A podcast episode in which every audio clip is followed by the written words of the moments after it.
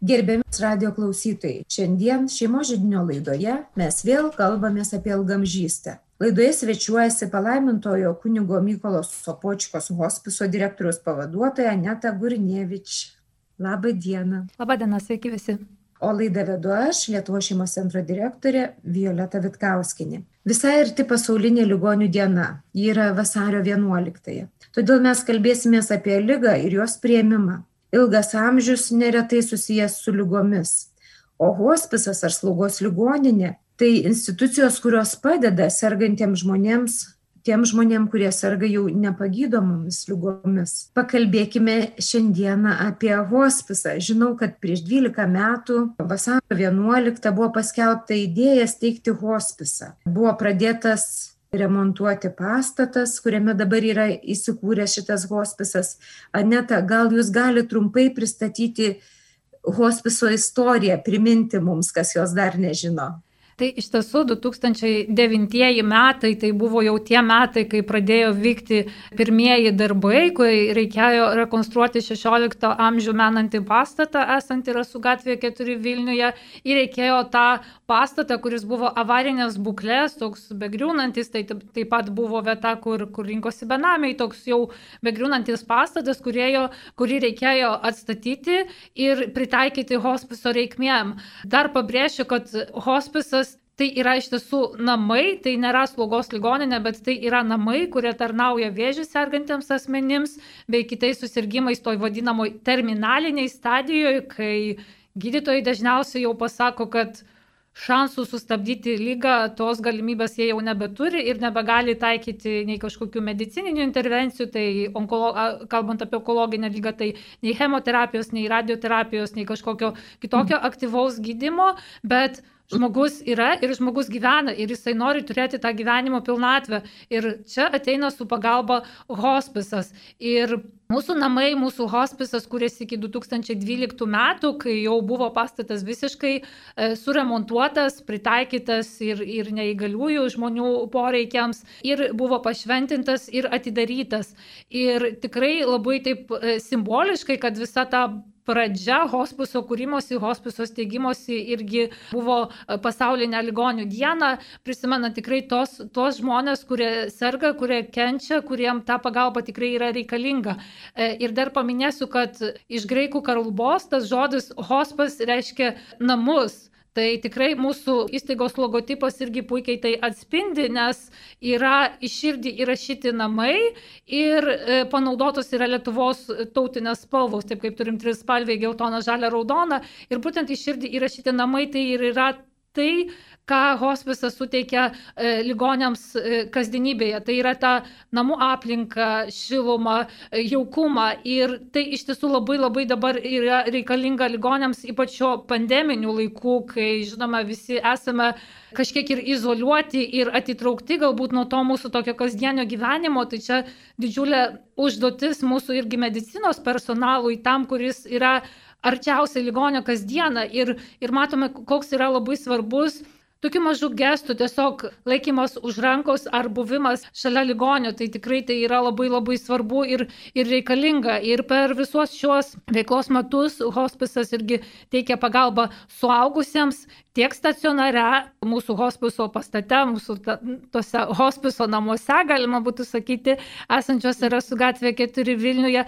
Ir taip pat pagalba paliatyvi yra teikiama ligonių namuose. Tai yra Mūsų komanda važiuoja pas, pas ligonius į namus ir teikia pagalbą namuose. Ir kas yra labai irgi svarbu, kad pagalba neapsiriboja vien pagalba ligoniui, bet ir taip pat pagalba yra teikiama visai šeimai. E, ir tikrai dar galime pasidžiaugti tuo, kad jau beveik metai yra, kai turėjome vaikų hospiso skyriaus pašventinimą ir atidarimą, nes dėja lyga nesirenka nei lyties, nei amžiaus, nei socialinio statuso, nei dar kažkokių kitų parametrų, bet paliečia tiek mažąjį e, žmogų, tiek, tiek ir galbūt garbaus jau amžiaus sulaukusi. Tai tikrai buvo tas poreikis ir gerų žmonių, ir atvirų širdžių žmonių dėka pavyko mums sukurti tą, tą mažą stebuklą vaikų hospiso skyrių, kuris buvo pernai vasario 15 dieną atidarytas ir pašventintas ir jau metus irgi tarnauja mūsų mažiesiams pacientam, e, tiek stacionariniam sąlygom, tiek namų hospiso sąlygom, kai pagalba yra teikiama e, mažųjų ligoniukų namuose. Tai tikrai ta pagalba yra labai svarbi ir reikalinga ir ypač e, šiuo pandeminiu laikotarpiu, kas yra labai svarbu, laikydamisi visų, visų reikalavimų, kurios, kurios kelia ir sveikatos apsaugos ministerija. Tai važiavom irgi pas ligonius į namus ir tiekėm pagalbą ligonių namuose. Ta pagalba nenutrūko, nepaisant būtent ir, ir, ir, ir, ir karantino, ir tos mūsų tokios ekstremalios situacijos, šių kasdieninių iššūkių, su kuriais visas pasaulis susiduria. Tai tikrai važiuojame važiuojam ir tarnaujam laikydamėsi visų, aišku, apsaugos priemonės, naudodami ir laikydamėsi visų reikalavimų, teikiam pagalbą namuose ir tikrai tiek pacientam, tiek jų šeimom tai yra labai, labai svarbu, nes na, dabar pasiekti gydymo įstaigą yra ypatingai sudėtinga. Ir kai žmonės gauna tą profesionalią pagalbą, namuose ir taip pat kažkokia galbūt konsultacija, kaip, kaip elgtis vienu ar kitu atveju. Tai tikrai yra tas neapsakomas šeimų, šeimų dėkingumas, kad nepaisant sunkios situacijos, yra žmonės, kurie, kurie tarnauja, kurie, kurie pasilenkia prie sergančio žmogaus ir, ir jam padeda.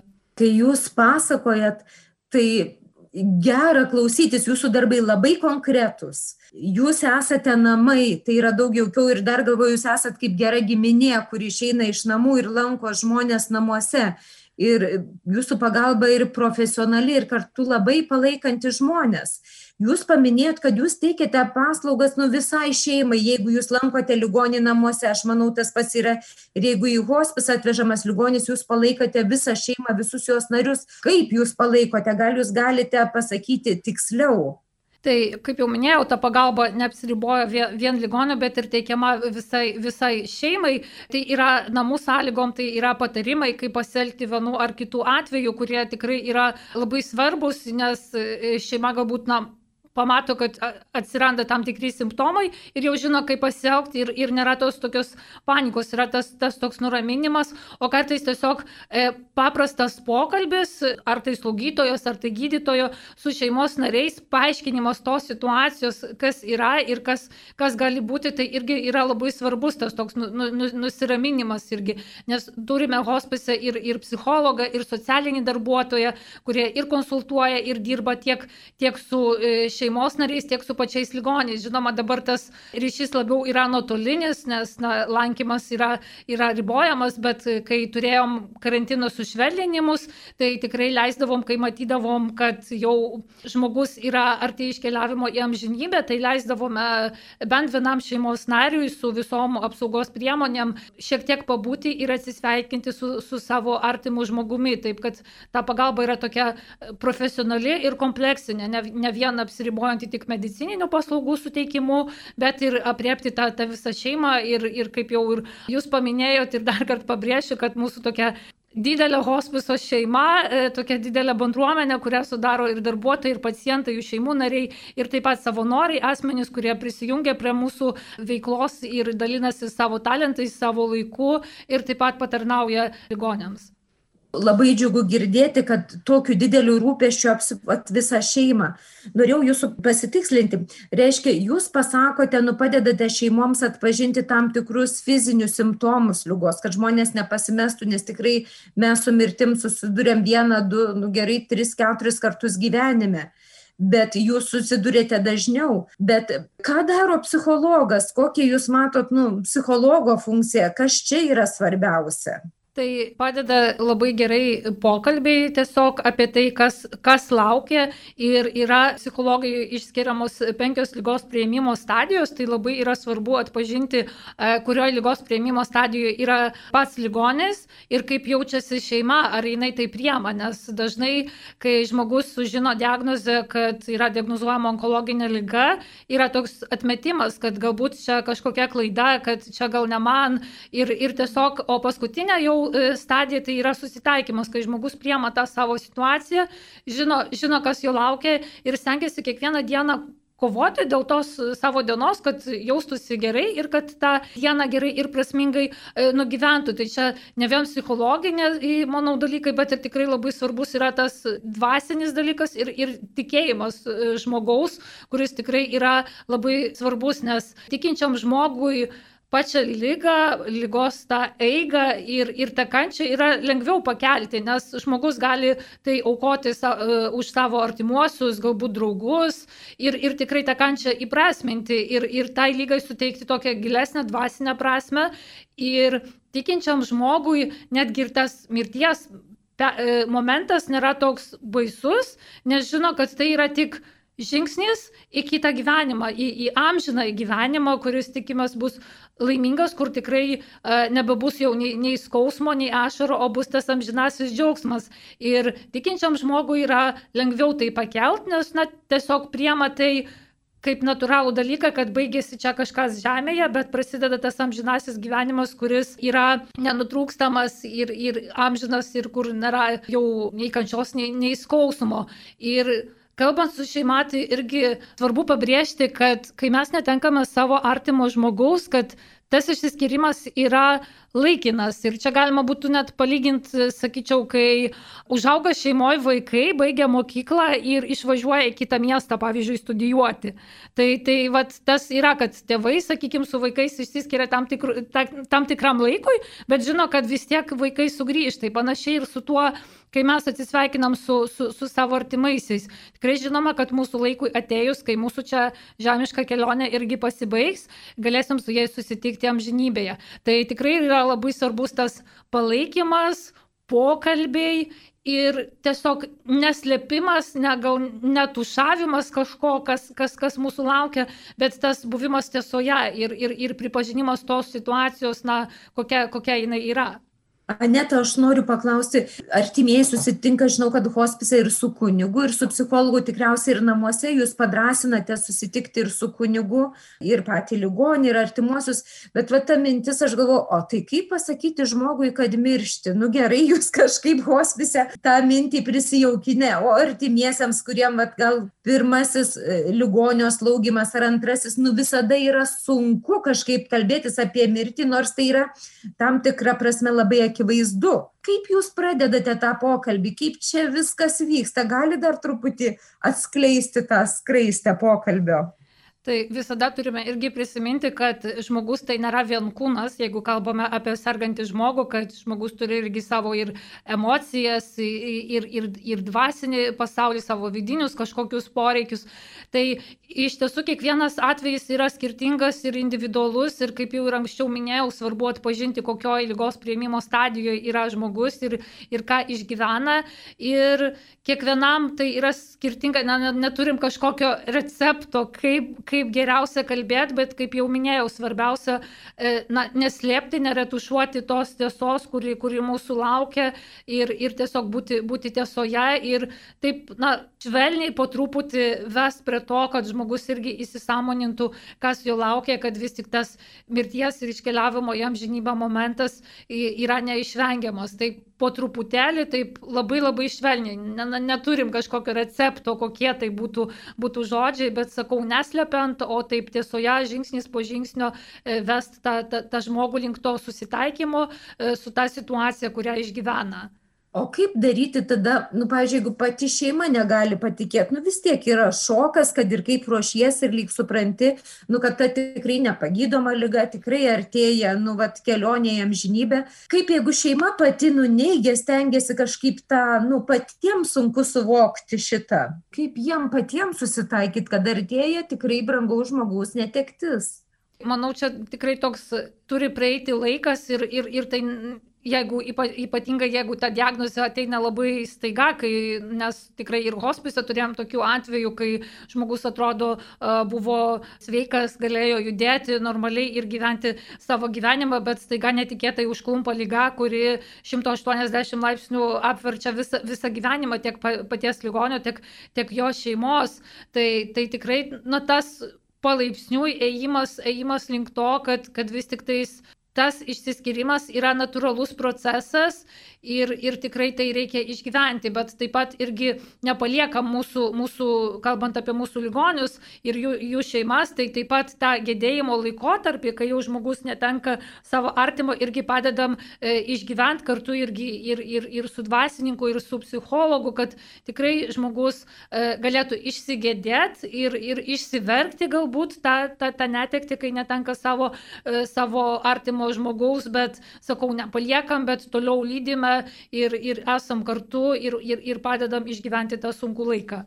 Aneta, aš tikiu, kad jūsų hospiso istorijoje nu, turėjo būti tokių situacijų, kur šeima ir ligonis nesusitaikė dėl kažko, net leidė vienas kitam kaip tada procesas? Aš suprantu kad jūs įsiklausote į kiekvieną va tą ligonį ir į kiekvieną šeimą jūs labiau žiūrite ir kuriam jie gedėjimo etape ir kas yra jų istorijoj kas vyksta ir tada padeda truput po truputį įveikti kliūtis. Bet va kaip yra kai nu ar artimieji kažko negali atleisti ar ligonis kažko negali atleisti? Ką kaip jūs tarpininkaujat ir galvoju gal mes galėtumėm šeimos pasimokyti kur namuose slaugo ligonius nu kodėl svarbu įveikti tas užtvankas tokias ir kaip tą padaryti Iš tiesų irgi svarbu e, paminėti, kad e, hospisas turi tris e, savo tokias veiklos ir funkcionavimo taisyklės. Tai yra, kad visa pagalba tiek pacientui, tiek jo šeimai yra teikiama netlygintinai, nėra kažkokio skirstimo ten pagal religinės pažiūras, pagal tautybę, kalbą ar, ar panašiai. Ir yra paciento laisvė. Tai yra, mes padedame tiek, kiek žmogus mus prisileidžia. Jeigu ligonis kažko nenori, tai mes irgi per prievartą nieko nedarome nedarome. Ir būtent tas lygos kelias, manau, ir yra ta puikiai galimybė ištiesinti tai, kas galbūt buvo kreivą, šleivą mūsų, mūsų gyvenime ir būtent tai, apie ką ir minėjot, paprašyti, gal susivokti, kaip ir savyje permastyti, kad galbūt aš kažką nuskriaudžiau ir, ir neatsiprašiau, galbūt aš turėčiau paprašyti atleidimo, galbūt turėčiau aš kažkam atleisti, kas, kas mane nuskriaudė kažkokiu atveju. Tai tikrai tas toks permastymas ir ką, ką šeimos gali padaryti, tai manau irgi permastyti, ar tikrai padarė viską to ligonio atžvilgiu ir tikrai atleisti ir nesinešioti širdytų kažkokių nuoskaudų, nes kai mes atleidžiame, tai ir mums patiems, manau, palengvėja e, ir tikrai galime turėti varę, ramę širdį ir, ir ramę sąžinę, sakyčiau, kad, kad mes atleidome ir atleidimas duoda tokį tokia vidinė laisvė iš esmės, kai, kai, kai mes nesam na, apsunkinti galbūt savo kažkokių nuoskriaudų, o jaučiamės laisvi ir galime gerai, gražiai ir, ir, ir draugiškai bendrauti su to žmogumi, nes na, klysti yra žmogiška, niekas iš mūsų nėra nuo to apsaugotas, tai tikrai sukaupti tą savo vidinę drąsą, galbūt dar sakyčiau, ir, ir, ir nebijoti paprašyti atleidimo, jeigu tikrai suprantam, kad na, galbūt mūsų kažkokie pasakyti pasakyti žodžiai buvo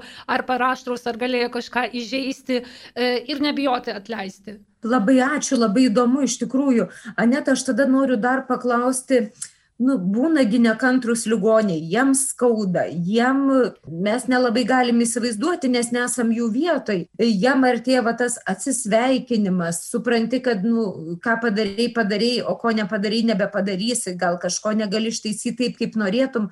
Nu tos nekantrybės priežasčių tikriausiai labai daug. Ir šeimose tos nekantrybės ligonių tikrai žinau labai daug. Ir tada artimieji tikrai ir pervargsta ir irgi tampa nervuoti ir tas nervas nu didėja kaip jūs kaip jūs hospise įveikiat tą tokį nervą jeigu jums pasitaiko ir gal jūs kokių minčių galėtumėt pasidalinti su šeimomis nu vat kai tas toksai nervas dėl to natūralios nekantrybės ir nepasitenkinimo atsiranda. Sriuba neskani maistas blogas ar ten skauda ne taip darai man čia skauda Tai iš tiesų visų pirma reikėtų slaugant sergantį ligonį, ar tai, ar tai mes darytume namuose, ar pasilenkdami prie, prie ligonio hospise, reikia ypatingos empatijos, švelnumo ir kažkuria prasme gal pasakyčiau atsparumo, nes būtent tai yra įrašyta būtent į, į, į, irgi į lygos tą išgyvenimą, kai žmogus va sako, pavyzdžiui, kad jam sriuba neskani, kad maistas blogas ar dar kažką, bet turime išbūti tame ir leisti galbūt irgi e, mūsų tam pacientui, jeigu jis nori išsiverkti, tai išsiverkti ir nesakyti, kad ne, ne, ne, neverk, nes tu čia dabar busi kažkoks, nu kaip tu čia verksi. Tai tikrai, jeigu žmogus nori išsiverkti ar išsirėkti, ar nežinau, kitaip kažkaip iš, išreikšti savo emocijas, leisti jam tai ir, ir tikrai žmogui, na, palengvės ir galima bus toliau su juo, su juo bendrauti, bet kad kartais žmogus sako, kad nenoriu nieko, palikit mane ramybėje, kad aš čia galbūt tik gulėsiu ir mėgosiu, tai tikrai žinoma pasitaiko toj kasdienybei, bet svarbu gerbti irgi tą paciento laisvę, leisti jam ar tai išsiverkti, ar tiesiog ramiai pagulėti ir, ir paskui vėl bandyti kalbinti švelniai, e, prieinant ir, ir tiesiog paklausti, kad kuo galiu būti tau naudingas, kaip galėčiau tau pasitarnauti. Ir, sakykime, galbūt na, kažkas pasakys, gal gali man atnešti sulčių. Tai ir tiesiog padaryti tai, ko, ko mūsų ligonis e, prašo. Ta, tokį, na gal šiek tiek kitokį, sakyčiau, bendravimo stilių įjungti, arba irgi nepamiršk, kad nesipiktinti svarbiausia, tai yra tuo tokiu elgesiu, kai, sakykime, pacientas pradeda ten sakyti, kad maistas neskanus ar, ar, ar dar kažką, nes e, gali, galime irgi tai permastant įsijausti, kaip mes reaguotume, būdami jo situacijoje. Ir tada viskas pa, tampa daug paprasčiau, jeigu mes įsivaizduotume save e, ligonio vietoje, kaip mes jaustumėmės ir ko mes norėtume. Tai Žinoma, turbūt kiekvienas norėtų, kad nebūtų vienas, kad būtų kitas žmogus, kuris tiesiog kartais ar tai palaikytų už rankos, ar pabūtų šalia. Ir galbūt mes nemokame to išreikšti ir e, kitą kartą tas toks įnoringumas, sakyčiau, gal ir yra toks vidinis kaip ir šauksmas, kad nepalik manęs, pabūk dar su manim e, ir tiesiog žmogus tokiu būdu tai išreiškia. Tai labai reikėtų apsišarvoti kantrybę ir gerbti tą ligonio laisvę ir maksimaliai būti tiek, kiek mes e, galime šalia ligonio, šalia sergančio asmens, nes dažnai jeigu ar šeimoje, ar kažkur sužinom, kad kažkas serga ir kaip ir kyla mums noras, ai gal paskambinsiu, paklausiu, kaip laikosi, kaip sekasi. Bet paskui pagalvojam, kad ai nežinosiu, ką pasakyti, gal čia šito sakyti, kažką gal nutilėt ir taip toliau. Bet nebijoti, jeigu kyla tas Noras paskambinti, paklausti, jeigu žinom, kad šeimoje kažkas tikrai rimtai serga, tai paklausti, kaip praėjo tavo diena, kaip tau sekasi, šiandien graži žiema, ypating, ypatingas toks truputėlį iššūkis kelyje, jeigu kalbant apie šiandienos dieną, kai, kai nuolat sninga. Tai tikrai nebijoti ir įsijausti, įsiklausyti į ligonį, į tai, ką, ką jis nori mums pasakyti ir būti kantriems. Ir padėti pagal tai, kiek mes galime tuo atveju, tuo momentu, e, kuriuo mes atsirandam prie ligonio. Aš kaip suprantu, net tai jūs labai atsižvelgėte į ligonį tiek, kiek jis prašo, tiek, kiek jis nori, ta jo laisva valia nu jum yra kaip ir įsakymas toks įstatymas kad tiek kiek jis nori. Bet dabar žinot konfliktuoja kartais toks dalykas kad šeima nori atvesti kunigą nu ir patys bijo nes reiškia mirtis ateina. Kunigas nu vis tiek dažniau taip žiūrima negu kad sustiprins ligonį. O ligonis sako ne aš nenoriu arba aš dar dabar nenoriu. Kaip jūs vat žiūrit į tą situaciją vat į tą kunigo pakvietimą. Juk tikrai buvo ligonių kurie gal ne nenorėjo bijojo ar dar kažkaip nu kur nesakė tikrai gerai laukiu labai kunigo. Gal buvo tokių kurie nelaukė. Kaip jūs į šitą momentą žiūrite Taip iš tiesų pasitaiko įvairių situacijų, manau, ir, ir, ir kiekvieno šeimoje, kas, kas susiduria su, su, su ligoniu ir norėtų pakviesti tiesiog kunigą su, su sakramentais, kad sustiprinti lygoje, kad būtų daugiau ir tų fizinių, ir dvasinių jėgų, o žmonės dažnai, na, tai priema truputėlį gal kitaip. Ir iš tiesų hospiso istorijoje irgi susidūrėm su, su tokiais e, momentais, kai, kai ligoniai sakė, ne, ne kunigo, tai mes tikrai nenorim, nes, na, ten arba, arba blogai asocijuojame asocijuojasi kunigas arba dar kažkokios kitos priežastys, bet ne, nenorim kunigo, bet prisimenu dar turbūt pirmaisiais ar antraisiais hospiso veiklos e, metais turėjom pacientą, kuri irgi visą laiką sakydavo, ne, ne, ne, aš nenoriu, kad ateitų kunigas, nes man čia kyla blogos asociacijos ir taip toliau, bet visą laiką mes ją švelniai irgi užkalbindavome, gal vis tik tai jis persigalvojo, galbūt pakeitė savo nuomonę ir gal sutiktų priimti kunigą. Ir jinai visą laiką sakė, kad ne, ne, ne, tikrai ne. Ir vieną dieną tikrai jau jos e, būklė stipriai pablogėjo ir jinai tikrai jau jautė, kad nedaug liko jai to laiko ir tada sako medicinos personalui, gal galit pakviesti kunigą, aš vis tik tai noriu atlikti išpažinti ir noriu su, su švarė sąžinė iškeliauti. Tai iš tiesų toks buvo greita reakcija tokia situacija ir, ir tikrai atkeliavo kunigas ir, ir moteris atliko išpažinti, priemė švenčiausiai sakramentą ir susitaikiusi su, su Dievu, su savim ir su, su aplinkiniais, e, iškeliavo į amžinybę. Tai tikrai yra tokių gražių istorijų, gražių liūdėjimų ir taip pat turėjome žmonės, kurie priemė krikštą pas mus hospise, kurie priemė sutvirtinimo sakramentą, tie, kurie galbūt gyvenimo savo kelyje kažkur buvo ar nutolę nuo, nuo tikėjimo, nuo bažnyčios, ar galbūt pasimetę, galbūt neturėjo to žmogaus, kuris, na, vestų tikėjimo keliu, bet tikrai sakau, kad, na, džiugina tokie, tokie atvejai, kai žmonės atranda irgi pas mus ir tikėjimą, ir tikrai stengiasi priartėti prie Dievo ir, ir gyventi irgi turint sakramentus. Aneta, gal dar apibendrintai noriu paklausti, kaip jūs matot, kas yra svarbiausia šitame gyvenimo etape? Kai žmogus serga nepagydoma lyga, jam to gyvenimo va ši čia ar savaitė, ar mėnuo, ar, ar pusmetis, ar metai, kaip jūs matot iš visos savo patirties, kas yra svarbiausia jam ir jo artimiesiems? Tai svarbiausia, kad žmogus turėtų gyvenimo pilnatvę ir gyventų tą gyvenimo pilnatvę, nes, kaip sako, mūsų, mūsų hospisas tai yra profesionali medicininė įstaiga, bet tai taip pat yra namai su visom gyvenimo spalvom, kur yra ir džiaugsmo, ir, ir liūdėsio, ir ašarų, ir, ir šipsenų, ir, ir, ir vestuves turėjom, ir, ir krikštą, ir sutvirtinimą. Tai tikrai ir švenčiamus gimtadienius, išpildytus norus, troškimus ir, ir, ir svajones mūsų hospise, bet sergančiam žmogui yra tikrai labai svarbus kito žmogaus buvimas šalia, nes kartais užtenka tiesiog laikyti žmogų už rankos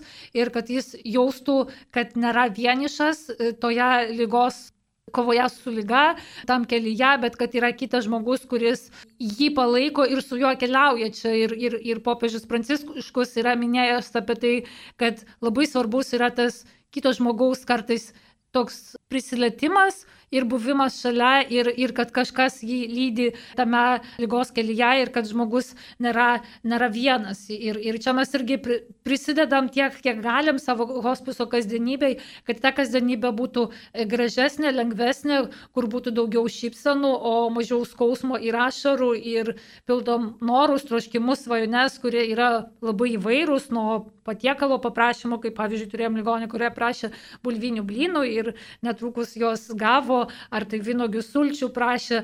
Tai tikrai būt šalia, šalia sergančio žmogaus ir padėti tiek, kiek, kiek, kiek mes galim ir kad tas žmogus būtų centre, o nesijaustų e, kažkoks nustumtas į užrybį. Nes nu, tikrai reikia pripažinti, kad mūsų visuomenė dėja lygos ar iškeliavimo ir, ir tas momentas yra dažnai nustumiamas kažkur į pakraščius, nes daugiausia norime kalbėti apie grožį, sveikatą, kokie mes geri, gražus, sveiki, jauni ir galima sportuoti ir daryti dar daugelį veiklų, bet iš tiesų lyga yra neatsiema kiekvieno turbūt iš mūsų gyvenimo dalis, nes kiekvienas turbūt daugiau ar mažiau patyrėme ar artimųjų, ar, ar draugų, ar pažįstamų tarpę ir susidūrėme su sergančiais asmenimis ir, ir žinoma, kaip svarbu yra būti, būti šalia, šalia sergančio žmogaus ir jo nepalikti ir stengtis tiek, kiek mes galim, kad ta kasdienybė būtų gražesnė, lengvesnė ir kad būtų kuo daugiau šypsanų.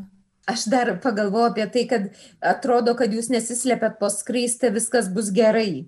Jūs nors pripažįsta ligoniai ir artimieji iš lieto veda tuo keliu, kad pripažinti, kad tikrai mirtis neišvengiama, bet jūs gyvenat maksimaliai, kiek galite geriau kiekvieną dieną, kad ta kiekviena diena nebūtų tiek gedulas, nu aišku tas liūdesys tikriausiai spalvina šiek tiek kiekvieną dieną bet ir bulviniai blynai ir sultys ir tai ką žmogus mėgsta džiaugtis tomis dienomis kurios yra. Ar aš taip suprantu kažkaip esminė mintis? Tikrai taip, džiaugtis tuo, ką atneša mums ši diena.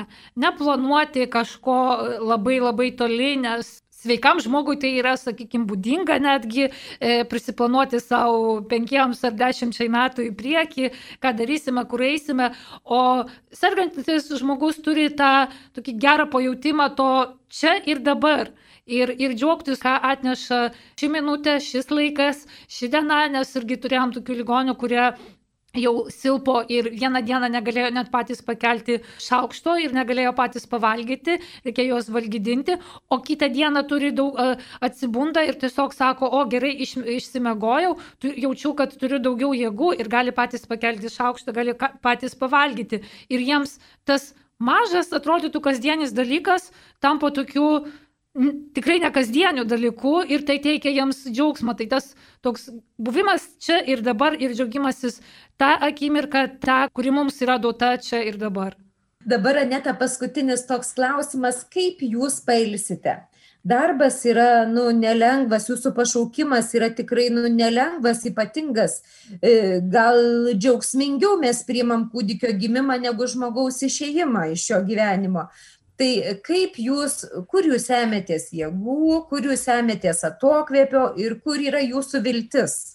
Tai tikrai darbas hospise yra toks labai reikalaujantis ir jėgų, ir empatijos, ir to tokio pilno, pilno atsidavimo, bet yra tas irgi džiaugsmas, kad tu bent minimaliai prisidedi prie tos gražesnės, lengvesnės e, jų kasdienybės, šviesesnės, kur, kur yra daugiau šypsenų negu ašarų ir negu tai, kas, kas yra galbūt na, neigiama ar, ar, ar liūdna.